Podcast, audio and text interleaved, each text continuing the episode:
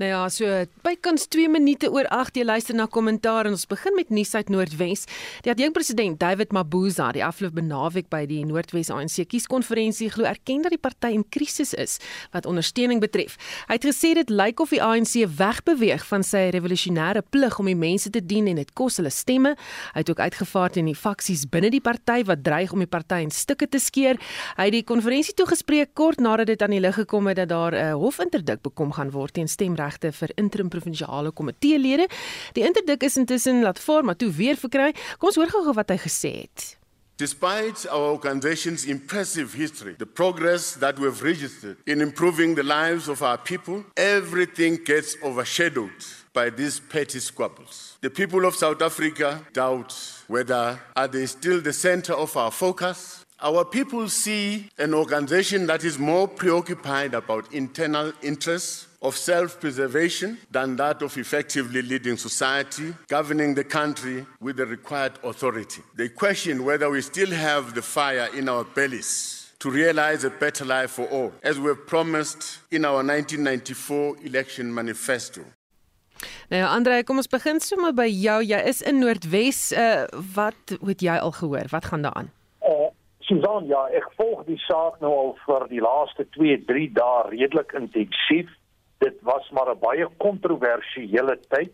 Jy het korrek verwys na die hof interdik en daar's 'n tweede interdik op die oomblik aan die gang, maar die eerste interdik het gegaan oor die uh, reg van die interim provinsiale komitee. Nou dit is 'n komitee wat in die plek van die uh, verkose komitee funksioneer omdat hulle nie ooreenkom stem in vorige verkiesings nie. In die die reg van daardie lede is opgehef. Hulle mag nie deelneem aan die verrigtinge van die konferensie en daar stem nie. Maar intussen tyd, die saak is toe opgelos regsprekend en toe is daar weer 'n probleem en dit gaan hierdie keer oor die feit dat eh uh, die interim provinsiale komitee en die streekskomitees nie die reg het om langer as 9 maande te funksioneer nie. Nou duidelik is hier 'n groepering binne die provinsie aan die werk om die geldigheid van die verkiesing en sy uitslag onder verdenking te bring. Nou die naam van meneer Supramoamopelo word in die verband baie sterk genoem. Maar in kort waar ons nou staan, ek dink hulle gaan nou begin die nominasies is afgehandel. Hulle gaan waarskynlik deur die nag stem. Hulle gaan vir die top 5 kandidaate stem en dan moet hulle by 'n verdere geleentheid, hulle praat van 2 weke verder, moet hulle terugkom en dan die ander addisionele lede en lede van die provinsiale uitvoerende komitee uh, verder aanwys. So dit is waar die proses staan. Uh, meneer Supra Mohamopelo is toe nie genomineer van die vloer af nie. Hy het nie genoeg steun gekry nie van daardie ontwrigtende taktieke wat plaasgevind het Ons weet byvoorbeeld van vervalsing van kandidaatidentiteite wat daar aan die orde is, ook vervalsing van kaarte en so aan, maar Obed Bapela het aangedui dat hulle stelsel sterk genoeg is om dit te dra. 'n Laaste woord oor die uh, uh, Noordwes konferensie, die leierskap uh, voorsitter van die ANC word uh, betwis tussen uh, Nono Moloi en Bushi Mape, laasgenoemde is die huidige premier. Dit lyk vir my as ek die saak reg lees of meneer Nono Moloi waarskynlik die sterker kandidaat is en waarskynlik behoort te wen en enige een van die twee kandidaate se beleining is nader aan die Ramaphosa groep as aan die RET groepie. Hm. Goed, so ons het nou gehoor die president gaan nie die konferensie toespreek nie. Hy gaan hom nie afsluit nie, seker net maar omdat hulle gaan aanhou stem deur die nag. Ehm um, hoe belangrik is die provinsie en die groter prentjie vir die ANC Alta? Ek dink die afwesigheid van Ramaphosa by die konferensie is nogal beduidend vir sy eie politieke veiligheid en ek sou sê vir hom om omdat die Noordwes al klaar so in krisis gedompel is in terme van die ANC en um die krisisse wat daar aan die gang is, sou dit 'n slimmer keuse gewees het vir Ramaphosa om hierdie kieskonferensie by te woon as byvoorbeeld die een wat in KwaZulu-Natal um plaasgevind het omdat hy meer 'n vaste ondersteuningsbasis het in KwaZulu-Natal as wat hy het in die, in die Noordwes. So kyk ek verstaan nou daar's nou nogal baie op op ehm um, Ramaphosa se bord op hierdie stadium om dit nou liggies te stel, maar ek dink die afwesigheid van die konferensie is dalk nou nie die beste besluit wat hy kon maak nie in terme van sy eie politieke uh vooruitsig en sy eie herverkiesing kom Desember. Goed, ons sien nou op die televisie wanneer ehm um, supra ondersteuners gaan hof toe. Uh, ons het 'n bietjie vroeër ook daaroor gesels en gesê mm, ons wonder wie sit agter al hierdie bewegings daar. Dit is 'n hoogs onstabiele provinsie waar dienslewering baie baie swak is weens die ANC se interne stryd. Wat maak jy van al hierdie gebeure? Wel blykbaar blykbaar is sy naam op die tweede stel hofstukke ook. So hy's baie baie betrokke daarbey. Maar wat ons wel moet kan sien is dat die ANC baie keer probeer van hierdie konferensie begin het heeltyd probeer as daar enige sprake is van onenigheid of dat die konferensie mense nie gaan loop nie probeer hulle om netjies in 'n strukkie sit. En dit het nog nie gewerk nie, selfs hierdie nuutste skuif om stemming toe te laat en dan later stem ons weer om probeer die miskien die, die miskien die gemoedere te kalmeer. Dit selfs ook gaan nie gaan dalk nie werk nie. Die rede daarvoor is daar is eintlik sterk regsgronde. om hierdie proses uit te daag. Uh die punt wat Supremo Mapelo maak is eintlik 'n baie geldige punt en dit is dat daar aan die nasionale leierskapskant geensins moeite gedoen of geens vir die jare wat verby is om daai oneenigheid in daai provinsie aan te spreek nie. En op 'n einde gaan ons dalk 'n konferensie kan kry wat uitgedaag mag word in 'n hof oor 2 weke of bietjie later wat enige um uitslae moontlik ongeldig verklaar en dit dompel die provinsie in nog 'n dieper 'n uh, dieper onsekerheid en en alles natuurlik is by die oë op die Desember konferensie en ons moet sien hoe dit sal uitspeel. Uh, so die stryd is nog nie verby nie selfs met hierdie nuutste poging om also mooi 'n strukkie vir ons te sit. Hmm. Ons kyk praat net gou oor daai komiteelede dit waarop hy die hele tyd Supran die hele tyd hamer. Hulle moes al weg gewees het. Hulle moes al weg gewees het. Die ANC uh, eh, dokumente maak voorsiening vir 'n 9 maande periode met 'n baie spesifieke taak wat jy moet afhandel en as jy klaar afhandel moet jy rapporteer en dan moet daar weer in daai tyd moet daar 'n ander oplossing gevind word. En indien nie maak die strukture in die dokumente self voorsiening dat dit aangepas kan word of verleng word maar daai moeite was nie gedoen nie. En nou is op die laaste minuut waar daar groot benoude spronge gemaak word. 'n um, paar keer hierdie naweek het Pulema uh, uh, Pulema by die woordvoerder van die ANC eerder gesien die alles is nou reg. Ons het nou die akkreditasies hierdie gaan voort. Hy het selfs 'n waarborg gister gegee dat ons vanoggend al resultate gaan kry. So is 'n desperate poging om alles bymekaar te hou en die nate bars net uit van wie hierdie opgehoopte onaanspreeklikheid wat ons kry binne eie ANC strukture. Andre, hoor ek vir jou daar in die agtergrond? Ja, uh, ek, ek ek stem met Bernard saam. Uh, ek wil net so 'n paar punte op uh, hier en daar uitbrei. Ek dink ons moet aanvaar dat uh, uh, daar 'n probleem is by die 9 maande periode wat wel as versagtende omstandighede geld. Is die feit dat ons deur 'n COVID pandemie gegaan het, dat baie van die ANC se uh konferensies onder meer die beleidskonferensie is as gevolg daarvan uitgestel en so meer. So ek vermoed daar sal waarskynlik 'n saak gemaak kan word en dan is dit ook 'n probleem indien die hof sou bevind dat die 9 maande geldig is, dan beteken dit al die aktiwiteite en al die aksies wat die interim provinsiale komitee hanteer het, soos die aanwysing van raadslede vir die plaaslike verkiesing, het dan 'n vraagteken oor. So ek is half van mening dat die hof nie maklik sal bevind om die uitslag van eh uh, die verkiesing as hy min of meer reëlmatig is nie te aanvaar nie. Ek dink eh uh, Werner is reg as hy sê daar is goeie regsgronde, daar was nie behoorlike oorsig nie, maar daar is ook 'n stel omstandighede en 'n uh, 'n besluit na die ander kant toe kan 'n uitkoms kry wat jou baie moeilik kan bestuur veral 'n paar maande voor 'n nasionale konferensie. So ek verwag nogal dat die konferensie dit kan maak, dat die groep oor 2 weke weer bymekaar gaan kom, die finale afrondings doen en dat meneer Ramaphosa dan sy afsluiting sal gee en een van daai twee kandidate is def albei is eintlik Ramaphosa gesind, so ek dink hy sal dit gebruik in terme van sy opbou na die nasionale konferensie. Hm. Goed, dis nie net in Noordwes waar sake warm is nie. Berigte op die rapport se voorblad is dat die ANC 'n interne peiling gehou het en dat dit toon dat steun vir die party onder 40% gedaal het. Nou twee groot metros, is die eThekwini 1 en die Nelson Mandela Bay is in die weegskaal. Ehm um, Alta, wat, wat dink jy gaan aan daar in Durban?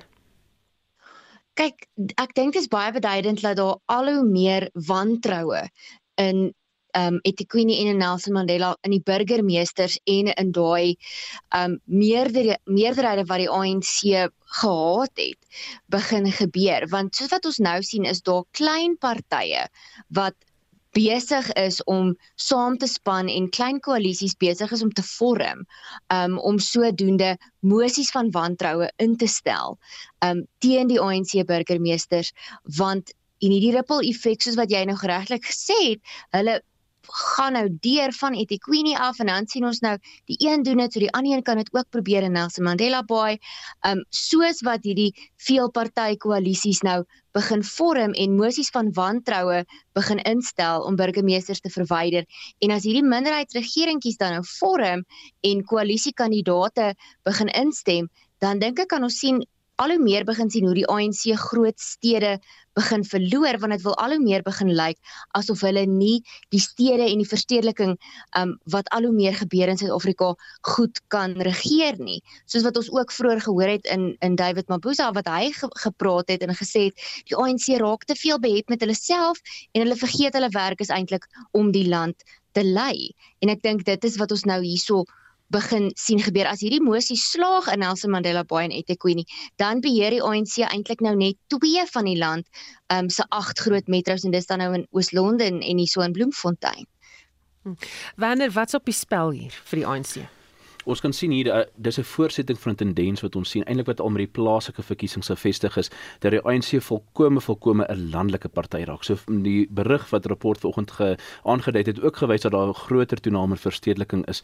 So ons sien hierso die ANC wat heeltemal hulle hulle magsbasis skuif weg van die stedelike punte af, skuif weg van die invloedryke punte af. En op einde is dit 'n desperate poging om hulle gaan kry om my magsbalans te hou. So ons gaan die einde sit met waarskynlik metro of stedelike gebiede wat 'n tipe van 'n magsbalans kan kry die hele politieke dinamiek waarmee aan ons gewoond is uh, kan skuif. So hulle is 'n voortsetting van 'n tendens en dit dit voorspel vir die land is geheel opdraande stryd as as ons daai daai posisie het wat die ANC alleenlike landelike party word wat hulle eintlik maar is en dan die stedelike kant wat heeltemal uh, um heeltemal aan die ander kant gaan met met die party en die veel poortjie koalisies wat ons kan sien. Hm. Andre, dit wil voorkom en altyd daarna verwys nou um of dit 'n plan was uh van die vorige munisipale verkiesing of van daai verkiesing af uh van daai klein 17 partye wat die wat met die ANC in koalisie gegaan het. Hulle het nou net hulle kans afgewag of hoe?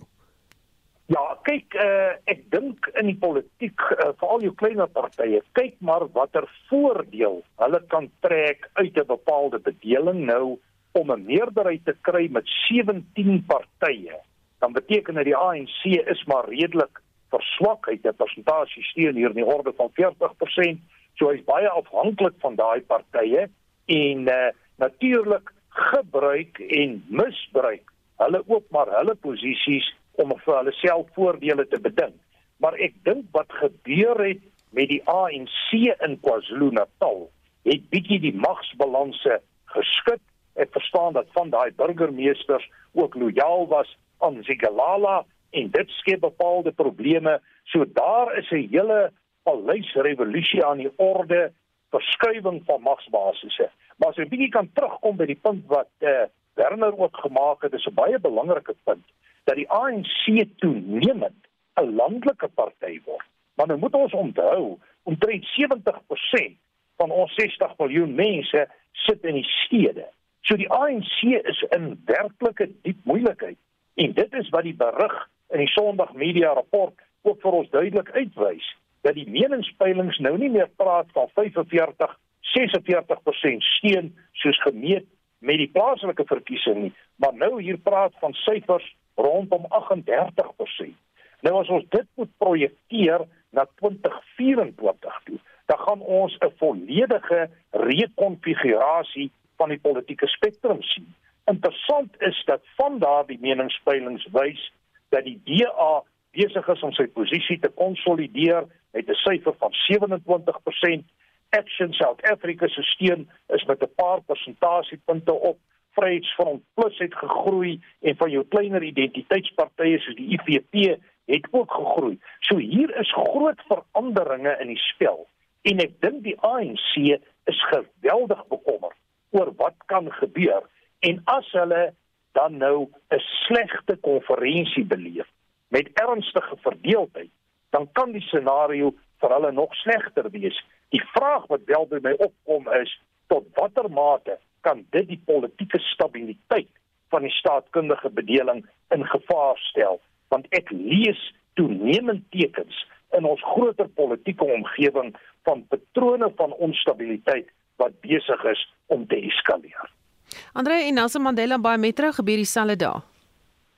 Die Nelson Mandela Metropool het 'n geskiedenis van konflikte wat net maar oor die tyd hardloop en die heeltyd skuif die mag heen en weer van 'n een koalisie na die ander, maar dit is breedweg maar dieselfde patroon. Die probleem is net dat jou oppositiepartye nie met mekaar kan saamstem nie, soos byvoorbeeld die EFF en die Demokratiese Alliansie.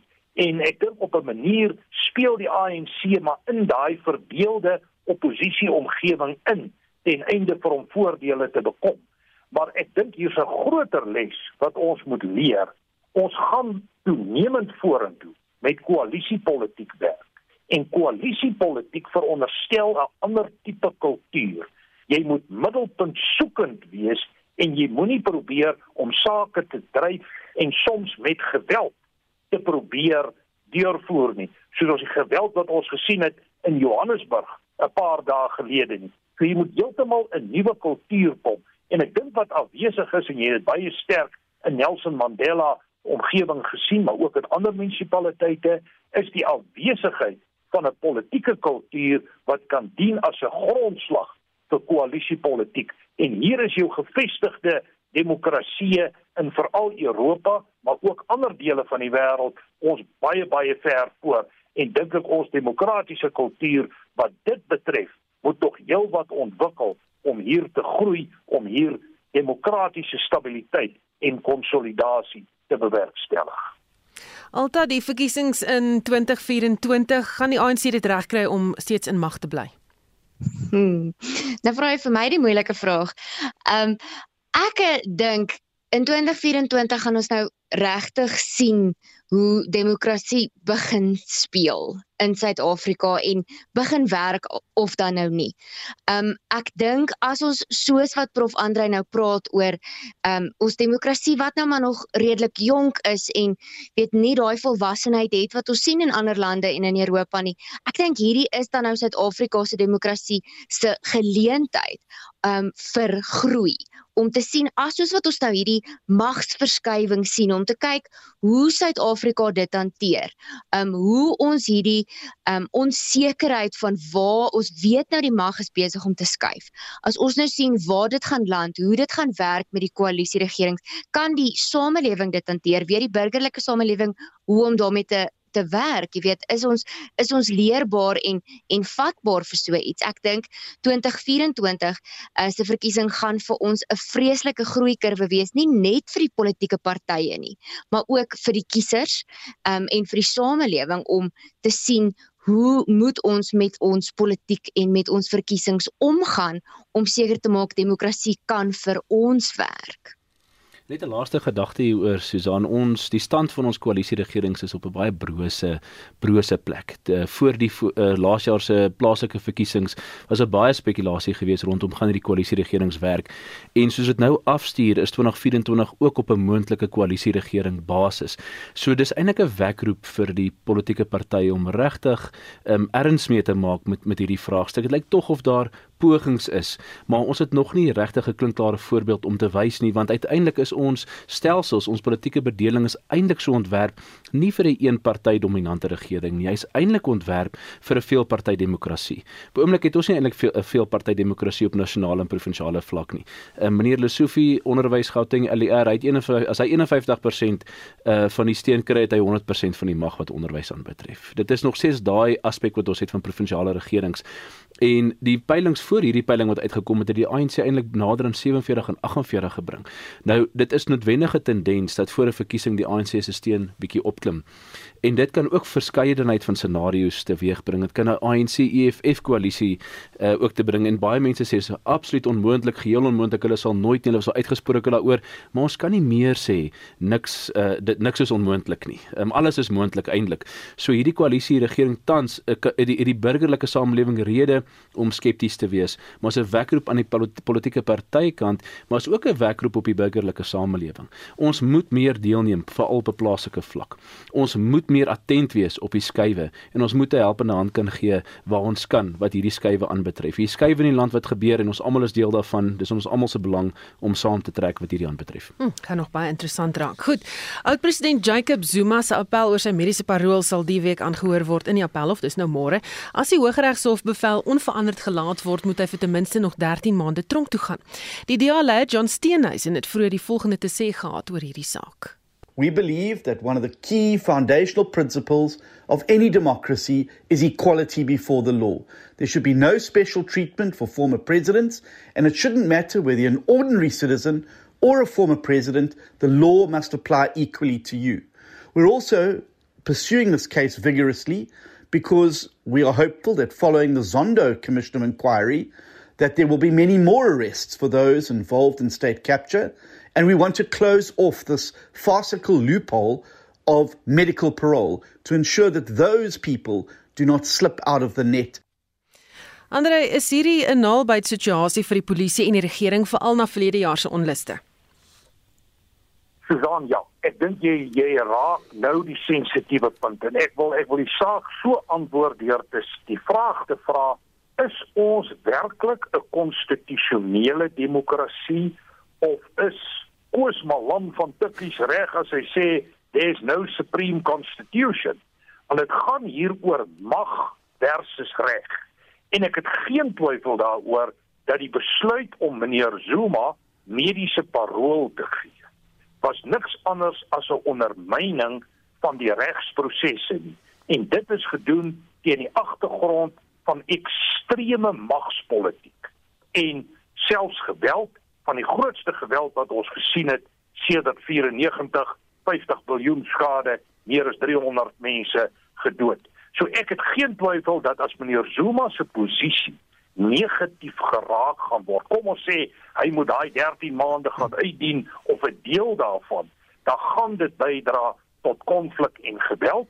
Dis interessant dat die volke op die oomblik ondersoek doen na daardie onluste en geweld van verlede jaar en dis vir my baie duidelik dat senior ANC-lede onder meer van Zuma se kinders word ondersoek in hierdie verband. So ek dink die situasie is baie plofbaar. Ek dink dit is 'n baie belangrike toets vir die nasionale vervolgingsgesag se integriteit vir die hele kwessie van die oppergesag van die reg en selfs vir die grondwetlike staat. Ek kry die idee dat KwaZulu-Natal homself wil voorberei vir 'n meer gewelddadige konfrontasie op sekere vlakke. Ons het dit gesien met die RET groep wat in KwaZulu-Natal beheer geneem het, hoe Zigilala bedank het en letterlik weer teruggeglip het in 'n laer posisie. Ek lees KwaZulu-Natal se politiek as potensieel baie onstabiel en dat die Zuma situasie 'n katalisator kan wees in daardie onstabiliteit. Um, ek wil baie sterk aansluit by Prof Andrei wat hierdie punt aanbetref. Dit is 'n kritiese punt aanbetref. Dit gaan oor die fondasies en die pilare van ons grondwetlike demokrasie. En dit is 'n belangrike vraag om te vra. Die rede waarom dit vir ons 'n belangrike vraag is om te vra is daar was al broodkrummels langs die pad gewees wat aanleiding gegee het tot dit wat hier gebeur. Dit na die sondekommissie se verslag en toe die eerste sake deur die konstitusionele hof is, um, het Zuma perskonferensie gehou. En in die konferensie toe sê hy hy onderwerp hom aan die reg maar soms is die reg verkeerd. Nou as ons net daarby stil staan, wat hy eintlik sê is dat hier 'n grondwetlike demokrasie in die oppergesag van die reg, die rule of law, wat absoluut 'n pilaar is van 'n grondwetlike demokrasie teoreties soos hy uitgesit het. En hy sê onderwerp hom dan maar soms het hierdie stelsel dit verkeerd en die mense is besig om te sê hierdie stelsel is verkeerd. So hy gaan appeleer en hy gaan die prosesse volg maar as eintlike geleentheid sodat dit herstel kan word. Mees onlangs, so onlangs as laasweek, was nog 'n Zuma ondersteuner in 'n baie 'n uh, uh, platoniese wyse gesê dat Suid-Afrika, die Afrikaanse burgers is baie gehoorsaam, 'n baie wetsgehoorsame burgers. Maar weer eens kry ons hierdie paradoks waar hy sê soms is die wette verkeerd, is dit nodig vir die mense om daai herinnering te gee dat die wette soms verkeerd is en dit is eintlik die proses soos 'n volkomme ontskuldiging uh, uh, van van enige wetsenstrydigheid wat gepleeg word. En en hulle het ook die woord gebruik om te sê the people shall determine, the people shall determine. So eintlik is kan mens 'n sterk saak maak dat die grondwetlike demokrasie in onder bedreiging is en dis nie net hierdie lyn van Zuma wat dit bedreig nie, dis andersins ook. 'n Reg 'n regstelsel en 'n strafregstelsel en dies meer is eintlik ontwerp om uitsonderings aan te spreek. So as ons in 'n samelewing leef met wetsgehoorsame burgers en iemand oortree die spoedgrens, dan gaan daai persoon vervolg kan word as die persoon vinnig genoeg ry en daai prosesse gaan gevolg word. Maar hoe gaan jy maak as jy hele hoofweg van karre in wetteloos is en die spoedgrens oortree? Die stelsel kan dit nie kan dit nie akkommodeer nie. Ons kyk nog soveel wat aangaan. Ons het advokaat Shaumi Batowi wat gesê het uh, telke male hierdie jaar, sy het nie kapasiteit om al hierdie te doen nie. Sy het eintlik 'n noodkreet uitgeroep om te sê Ek gaan nie al hierdie kan vervolg nie. En dit kom terug tot die kern van die saak. Wat is die stand van ons grondwetlike demokrasie en hierdie gebeure wat ons sien en wat ook gaan gebeur volgende week met die saak van Zuma nie appel. Dit is eintlik rooi ligte vir ons oor die stand van die grondwetlike demokrasie en Prof Koos Malan se boek raak daai vraag aan en dit is werd om daarbey bietjie stil te staan. Dit bring my die by die vraag. Daar was nou berigte gewees oor die konvoi Mambas wat hier van Bloemfontein af Pretoria toe gekom het. Dink julle die weermag is ingeroep om op bystand te wees vir die uitkoms van die hofsaak eerder as die Zama Zama polisie operasie aan die Wesrand? Wie wil antwoord waag? Alta? Andre? Ja. Ek ek dink daar is vreeslik baie soos soos wat ehm um, prof Andrei ook nou gesê het hier gebeur nou vreeslik baie goed en dit is 'n baie plofbare situasie want op hierdie stadium voel dit nou net vir my hier is nou te veel goeters wat gelyk gebeur dat ek hulle nie met mekaar wil verbind nie. Want um meneer Zuma se appelsaak gebeur môre in die hof en die valke het vandag nog 3 mense arresteer in terme van verlede jaar ehm um, se geweld wat in wat in Julie plaasgevind het. Dan is die weermag nou besig om te sê um, ons is net op bystand en die mense moet nou glad nie te veel bekommer nie. Dis net om die SAPD by te staan sou dit moontlik wees en sou daar 'n geval van kriminaliteit wees. Maar al hierdie goeters is net groot rooi ligte waar ons sien hoe staatsinstellings eintlik nie besig is om die mas op te kom van dinge wat hulle veronderstel is om van self te kan doen nie soos byvoorbeeld die grondwet wat bloot net nagekom moet word nie.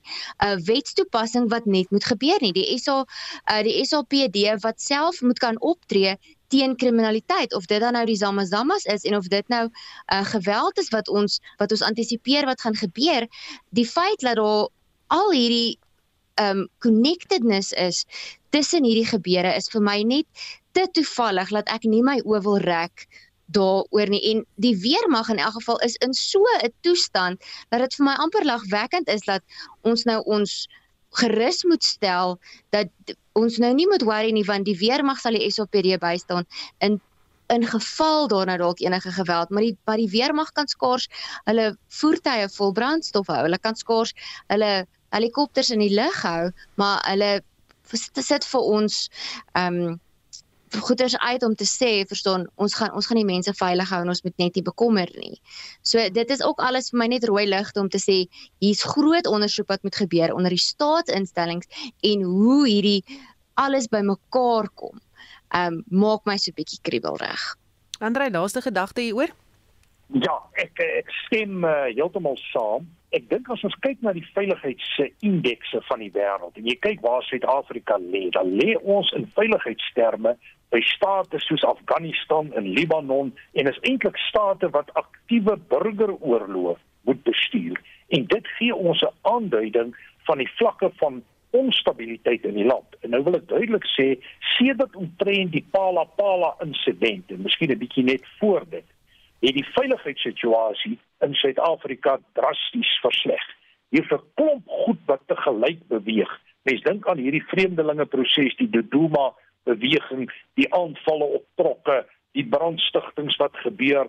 Ek is vandag weer ingelig oor verskeie plase wat aan die brand gesteek is hier op plekke so breedweg jou veiligheidssituasie versleg en ons betree toenemend 'n fase wat ek noem praetoriaanse politiek en dit is waar die onstabiliteit soveel word dat jou veiligheidsinstellings, jou polisie, jou weermag, jou intelligensie raak al hoe meer aktief betrokke in die bestuur van sake van die dag. Dit sien ons, maar die punt wat Alta noem is 'n absolute geldige punt. In die 80er jare het dit ook gebeur, maar toe het ons 'n sterk weermag en 'n sterk polisie gehad en sterk leierskap, veiligheidsbestuur. Op die oomblik sit ons in 'n verswakkende staat situasie met 'n weermag en 'n polisie wat letterlik nie hulle take kan vervul nie. En wat nou gebeur is, ander groeperinge gryp daai mag en begin hulle self te beveilig. Ons sien die opkoms van privaat veiligheidsinstellings. Ons sien die opkoms van veiligheidsgroeperinge, warlords of krygsheere wat mag gryp en militêr op dit inspel. En dit is 'n baie slegte situasie en ek dink die regering van die dag lees hierdie probleme en hulle begin toenemend die stukkie van die weermag wat oor is op 'n gereedheidsgrondslag te bring om te hanteer wat moontlik kan gebeur en ek lees die hele ANC konferensie en die opbou na einde van die jaar as 'n tyd waar die konflik verder kan eskaleer en kan ontwikkel. Goed, nou nog na 'n ander storie, netlike kwessie vir die president wil nie gaan lê nie. Al meer besonderhede kom nou aan die lig oor die gebeure by die Palapala plaas, soos wat die ondersoek nou stoom optel. Volgens Netwerk 24 of eerder News 24 het die rower 600 000 dollar gesteel, baie minder as wat aanvanklik berig is. Die geld was glo afkomstig van die verkoop van 'n buffel en glo was die koper van Dubai. Die naam van die koper is aan die openbare beskermer bekend. Die geld was ook nie in meubels versteek nie, maar glo in 'n kas geberre en dan uh, het die Wally Rode gesê uitglo is laat later van die diefstal gehoor en sou opdrag gegee word deur die toe adjunk polisiekommissaris Sindile Mfazi om die saak te ondersoek en hy het erken hy is toe na Namibië toe. 'n Netlike kwessie wat nou net nie wil gaan lê nie, Werner dit en dit gee eintlik nog rede tot kommer. Uh, mense is gewoond daaraan dat wanneer ons openbare amptenare, veral die wat hoë geplaaste is, is onder een of ander wolk is, uh, dat hulle teruggaan na hierdie uh, na hierdie reaksie toe van wag is nou 'n proses. Ons is nou besig om te ondersoek. En en dikwels sou dit uitgedraai dat daar eintlik baie is wat weggesteek moet word en hierdie eintlik 'n taktiek is alhoewel mens baie respek het vir uh, vir vir 'n proses wat behoorlik gevolg het. Ons almal sal daarmee saamstem. Maar nou kry dit ons by president Ramaphosa ook en dit bly 'n netelige kwessie van hom want daar's soveel wat uitkom op hierdie storie na soveel wat nog verwag kan word. Ons het nog nie die uh, dokument gesien oor wat sy antwoorde oor al daai oor al daardie beweringe was nie en al die feite gekry het nie. En uh, ons is ons is op die einde is ons ook dalk uitgelewer op 'n punt van waar daar nog meer inligting kan kom. Dit kan wees dat Arthur Fraser nog met veel meer pile in sy koker sit. So die storie kan nie dalk nog nog omwees nie. So dit bly 'n netelige kwessie. Dit sal ek dink uh, baie beslis in die belang van president Ramaphosa wees om vroeër met die sakpatats te kom as later. Die spekulasie groei en dit gee eintlik 'n momentum vir die faksies wat teen hom geposisioneer is om 'n momentum te begin kry. Maar waarom word dit toegelaat dat hulle momentum begin kry? Ek dink daar moet eerder deur hierdie kwessie gesny word en baie vinnig met alles vorendag gekom word sodat ons kan aanbeweeg. Maar op einde op die oomblik het ons pala pala en ek het vir myself 'n notaai gemaak sover is al mahala mahala van wat ons kan presies vasstel oor waar ons waar ons hier staan. So baie onsekerheid en dit is nie tyd wat vir die president vorentoe dinge vir hom gemakliker maak nie. Alta, dit wil voorkom of Ramaphosa wel oop kaarte speel met die owerhede in hierdie ondersoek. Hoekom nie met die publiek nie? Ek weet nie, nee, daar's nou vreeslik soos wat Werner ook sê, hoe meer hoe meer daar minder gesê word, as ek dit nou so kan stel, hoe meer word daar nou vir ons kans gegee om vir ons verbeeldings nou 'n heerlike ligkasteel te bou oor hierdie storie. En een van die goeters wat my nogal pla hieroor is die ehm um, adjunk veiligheidsminister Zizi, Kodwa se betrokkenheid by die situasie.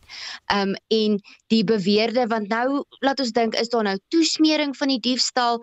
Daar was sprake gewees dat die mense wat nou betrokke was by die diefstal was somme um gevang gewees en hulle ondervra en weer vrygelaat en betaal. Dit is soos die tipe goeders wat mens le lees in 'n storieboek. En as ek nou dit moet vereenselwig met die president wat nou Sondag aande 8 uur um vir my sê my fellow South Africans dra jou masker en was jou hande, dan is dit vir my twee goed wat ek sukkel om bymekaar te bring. En dit is definitief iets wat ek stem daar saam met Werner wat die president baie gouer eerder as later moet aanspreek veral met die publiek omdat hy dit tot dusver nog redelik goed reg gekry het om in die publiek se goeie boekies te bly omdat iemand is wat met die publiek aanklank vind waarvan mense maklik kan hou. Maar hoe meer donker wolkies en hoe meer vraagtekens daar is om hierdie saak, hoe verder gaan die verbeeldings begin hardloop. Um toe die voorval gebeur het, was hy in Ethiopië gewees by 'n Afrika Unie byeenkoms en hy het toe na dit gesê maar hy het vir die presidensiële beskermingseenheid um gesê van die voorval um en toe later was daar al daai vrae gewees, maar daar was nie formeel 'n saak oopgemaak nie en al die vraagtekens het later uitgekom. En soos wat ons nou maar almal leer van kleins af, persoon eerlikheid is die beste geweer en al daai dinge so ek dink dit is nou maar net die aanslag wat die president hierso moet moet neem en veral as dit kom met die publiek en veral met die aanloop tot die Desember konferensie van die ANC. Andre? Ja, uh, ek sien saam en ek het so 'n bietjie hier en daar 'n ander perspektief op op die saak. Ek wil die ding begin deur die vraag te vra wat het Alfred Fraser probeer bereik om 'n saak wat gebeur het 'n jaar of meer gelede op te bring op hierdie tydstip. En dit is definitief 'n poging om te kyk of meneer Ramaphosa vervolg kan word sodat hy gedwing kan word om op sy te staan soos Ismagashule en talle ander. So dis eintlik maar 'n poging om hom te verwyder as 'n presidentskandidaat vir 'n tweede termyn.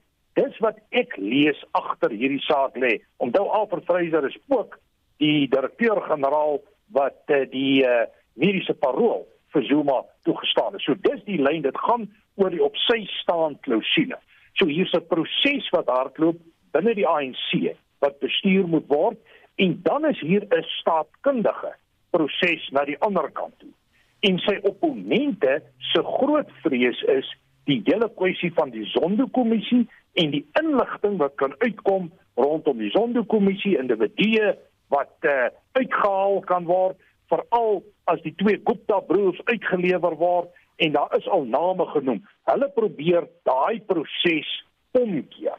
Nou wat meneer Ramaphosa soos ek hom lees doen, hy probeer die politieke proses binne die ANC balanseer met die staatkundige proses. En dit is hoekom sy tydsberekening vir ons nie presies altyd gesinkroniseerd lyk nie. Hy moet sekere goed voor sekere goed doen. En ek dink op hierdie stadium is sy eerste doelwit om deur die ANC golwe te ry met die provinsiale konferensie. Om daar 'n stuk stabiliteit te kry binne die ANC. En op 'n manier is hy suksesvol. As ek net kyk hoe het uh, Supra pak gekry hier by hierdie Noordwes konferensie en dan kan hy die staatkundige proses aktiveer en via die Zondo-kommissie bevindinge afwerk na sekere opponente toe.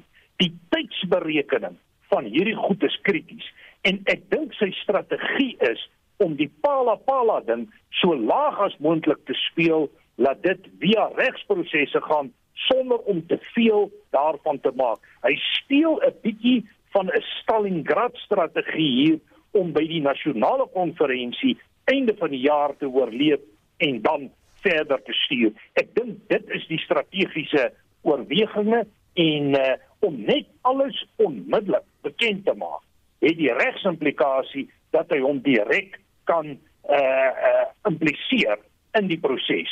Ek moet net byvoeg dat die sake wat op tafel is is redelike ernstige sake en dit vat net iemand van die vervolgingsgesag om te besluit om die president te vervolg en hy is in 'n ysbaggesjoele posisie.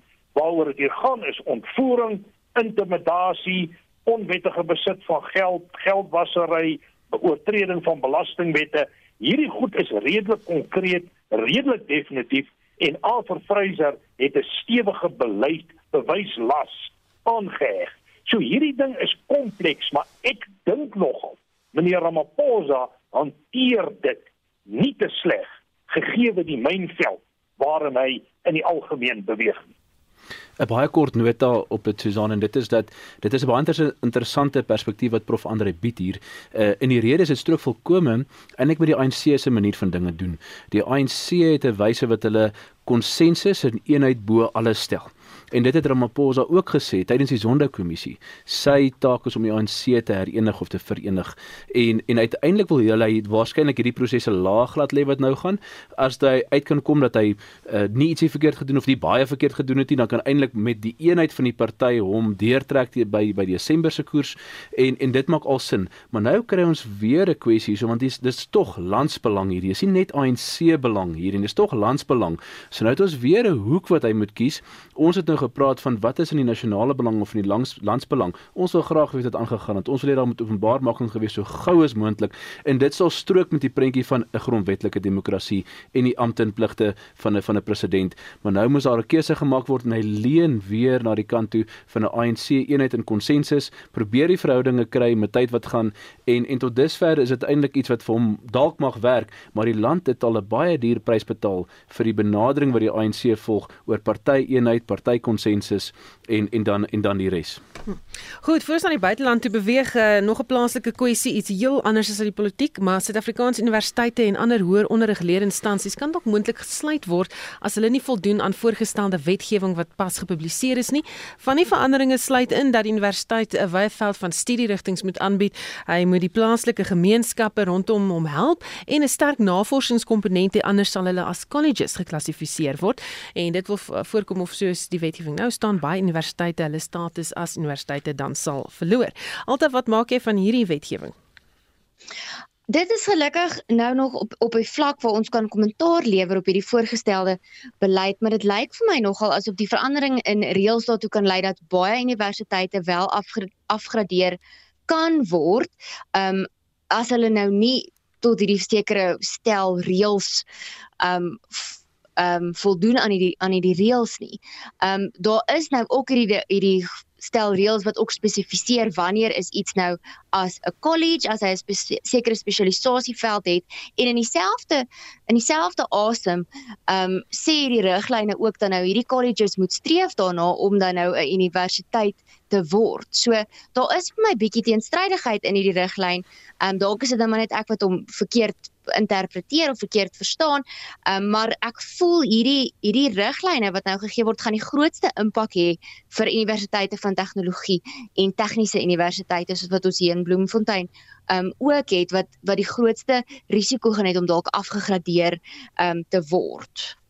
Wanneer Hierdie is eintlik 'n is eintlik 'n groot verwikkeling hierdie. Dit was laasweek gewees, dis 'n maand omtrent om kommentaar te gee en waar dit die openbare universiteite verseker onder geweldige druk gaan plaas, maak dit dalk die deur oop vir private instellings om daardie statusse te beklee. Dit gee die geleentheid vir private instellings om hulle status te verhoog, meer fondse moontlik te kan genereer, 'n wyeer aanbod te kan lewer en dit moet eintlik verwelkom word. Hierdie gedagte is eintlik nie 'n nuwe gedagte nie. Dit is so lank terug as die 1997 hoër onderwys wetskrif waar daar al melding gemaak is dat die universiteite landskap voorsiening moet maak vir verskeidenheid van vaardighede, verskeidenheid van spesialiteite om eintlik toegang te verbreek, om die diverse aard van die land te akkommodeer en om baie gefokus te werk. En dit is in die gees waarin hierdie waarin hierdie geskryf is. Nou is daar 'n paar klasse wat hierdie een is en die universiteit een is baie interessant want dit dit geld dan vir privaat en en die openbare universiteite. So ons gaan 'n posisie wees as mens hierdie baie streng volg dat daar regtig talle universiteite is wat in die knyp gaan wees vir alles wat kom by na navorsingsuitsette wat nie gevolg word nie en universiteite wat nie die behoorlike beheermaatreëls in plek gestel het en wat op die oomblik eintlik eintlik in kommer is. En baie van ons weet klaar van ondersoeke wat by van die grootste universiteite is. Maar aan die hmm. ander kant is hulle besig om 'n baie groot gaping te skep vir vir moontlike private instellings om wel daai daai brug te oorkom. Want 'n groot navorsingsuitset veronderstel 'n reuse belegging in reuse hulpbronne en private instellings het dit nie noodwendig eh, so breed om dit te kan doen nie. So aan die een kant wil ons privaat instellings kry en meer instellings het wat hierdie kriteria ontmoet wat goed is vir die land wat baie belangrik is vir die land. Maar aan die ander kant maak dit onmoontlik vir die privaat instellings maar maar weer eens kry ons die posisie dat die openbare universiteit dalk dit nie gaan kom nie. So ons gaan dalk waar ons wil aanvul en beide instellings versterk sit ons dalk met 'n verswakte posisie uit beide kante uit van hierdie van hierdie regulasies. So dit moet baie mooi noukeurig nagegaan word. Die tweede vlak dis half amper so in die universiteitskollege dis voorvolwaardige universiteit. Die universiteit kollege moet jy onder 'n trusteeskap wees van 'n bestaande openbare universiteit. En dit bring dieselfde soort te kommer, want ewe skielik is die stand van daardie openbare universiteit nie so hoog geag het as jy nou gaan natuurlik oorrompel en oordraai na die private instelling toe wat ook in die knyp gaan wees. Maar dit is iets om om dop te hou en dit is iets wat baie goed oorweeg moet word, maar uit en uiteindelik 'n goeie positiewe verwikkeling wat verwelkom moet word en hopelik lei dit tot talle private instellings wat dalk hierdie as 'n toegang sien en dit inneem. Hm, Andre Ja, eh uh, Susan, ek is nou redelik lank in die universiteitsomgewing en vir my is hierdie voorstel nogal 'n bietjie van 'n omkeer op die kader asmal benadering wat in die laat 90er jare eintlik alles bymekaar probeer gooi het en eintlik die autonomie van universiteite ernstig probeer aantas het en alles probeer herklassifiseer tot universiteite wat dit nooit werklik was nie. Maar uh, Werner is heeltemal reg, dit gaan oor die diversifikasie van toegang. Die drie kategorieë wat hulle van praat is uh, hoë onderrig colleges wat eintlik maar net voorgraads en uh, uh vaardigheidsontwikkeling doen en dan kry jy universiteitscolleges wat eintlik op pad is om universiteite te word, prototipe universiteite en dan jou universiteite. Nou jou universiteite volgens hierdie definisie moet voldoen aan nasionale prioriteite aan te spreek, internasionale profiel, navorsingsuitset, 'n bydrae tot ontwikkeling in die samelewing. Nou as ons mooi gaan kyk na die universiteite vandag, dan moet ek werklik sê dit is nie so sterk in die kollig nie omdat ons met so baie ander krisisse te maak het, maar ek dink breedweg is universiteite in 'n krisis. Universiteite sukkel om eintlik die uitdagings van hulle omgewing aan te spreek. En hier is 'n klomp redes voor. Die skoolstelsel wat sy eie stel uitdagings het. Die geweldige toekenning van NSFAS beurse. Ek dink ons ken meer as 300 000 NSFAS beurse toe. Dis mense wat oornag op universiteite land wat geakkommodeer moet word sonder dat jy noodwendig die kapasiteite het om dit te hanteer en wat ek by talle universiteitsomgewings waarneem is dat universiteite verloor hulle vermoëns om werklik navorsing te doen en om nagraadse studieleiding te gee. En dit het ons nou op 'n de facto vlak by 'n punt gebring waar ons goed moet herklassifiseer en eintlik maar erken dat ons noem hierdie plekke universiteit, maar hy is ten beste 'n college van 'n sekere aard. So in daai sin maak dit sin, maar hier is definitief ook 'n krisis binne hoër onderwys wat onderliggend lê aan hierdie besluite wat voorgelê is. Stem daar van uh, professor Andrei Dievenage en jy luister na kommentaar op RC net hierna. Kyk ons na internasionale nuus. Goed en uh, jy luister na kommentaar. My gaste vanaand professor Andrei Dievenage, Werner Himan en Dr Alta Groblaar. Internasionale nuus. Uh, Kenia was pal in die nuus die week. Die tellery na die verkiesing daardie afgelope week is steeds aan die gang. Dit wil voorkom of die stadium of Raila Odinga voorloop. Alta, wat is die jongste want daar gebeur snaakse dinge lyk like dit vir my. Kyk, dit verander omtrent elke 10 minute toe ek vanmiddag gekyk het was Willem Ruto voor gewees, dan is Odinga weer voor. So daar is elke 10 minute 'n paar persentasiepunte wat verskil. Hierdie verkiesing is loshande 'n toets van Kenia se stabiliteit. As ons kyk na hoe hulle vorige twee verkiesings verloop het wat regtig baie sleg was, vreeslike geweld, die vorige verkiesings se uitslaa um, is as onklaar beskryf en uitgegooi en dit het in die hof gedraai. Um na die 2007 verkiesing was daar wyd um verspreide geweld gewees en vreeslik baie um mense wat wat doodgegaan het in daai in in daai geweld wat moes vlug het van waar hulle woon en alles. Die die uitslag moet Dinsdag aangekondig word. Maar ek moet vir jou sê as die uitslag so naby is soos wat ons nou eintlik maar met veiligheid kan sê hy gaan wees want soos ek sê hy die uitslag verander soos wat hulle hom nou voorspel want hulle is nou nogal so op die hond se stert om te sê wie gaan wen. Is dit amper seker dat die verloorder die uitslaa sal appeleer.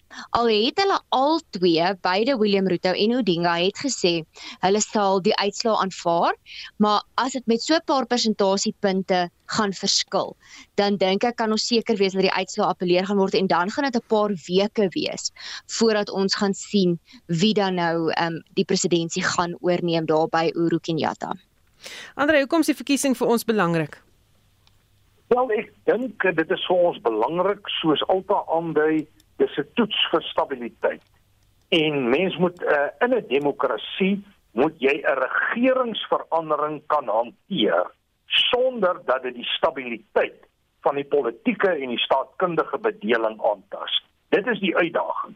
En Kenia het daai toets van tevore gedop en ek is ook soos altyd nie seker of die verloorder gaan dit gaan aanvaar en nie weer gaan wen tot 'n vorm van politieke geweld en onstabiliteit nie. Maar in 'n demokrasie moet jy 'n regering kan verander sonder geweld.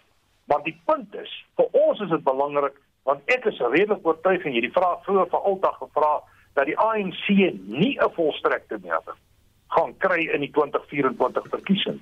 Hulle mag selfs 'n persentasie kry van laag 40 of selfs onder die 40% afhangende van wat by die konferensie gebeur.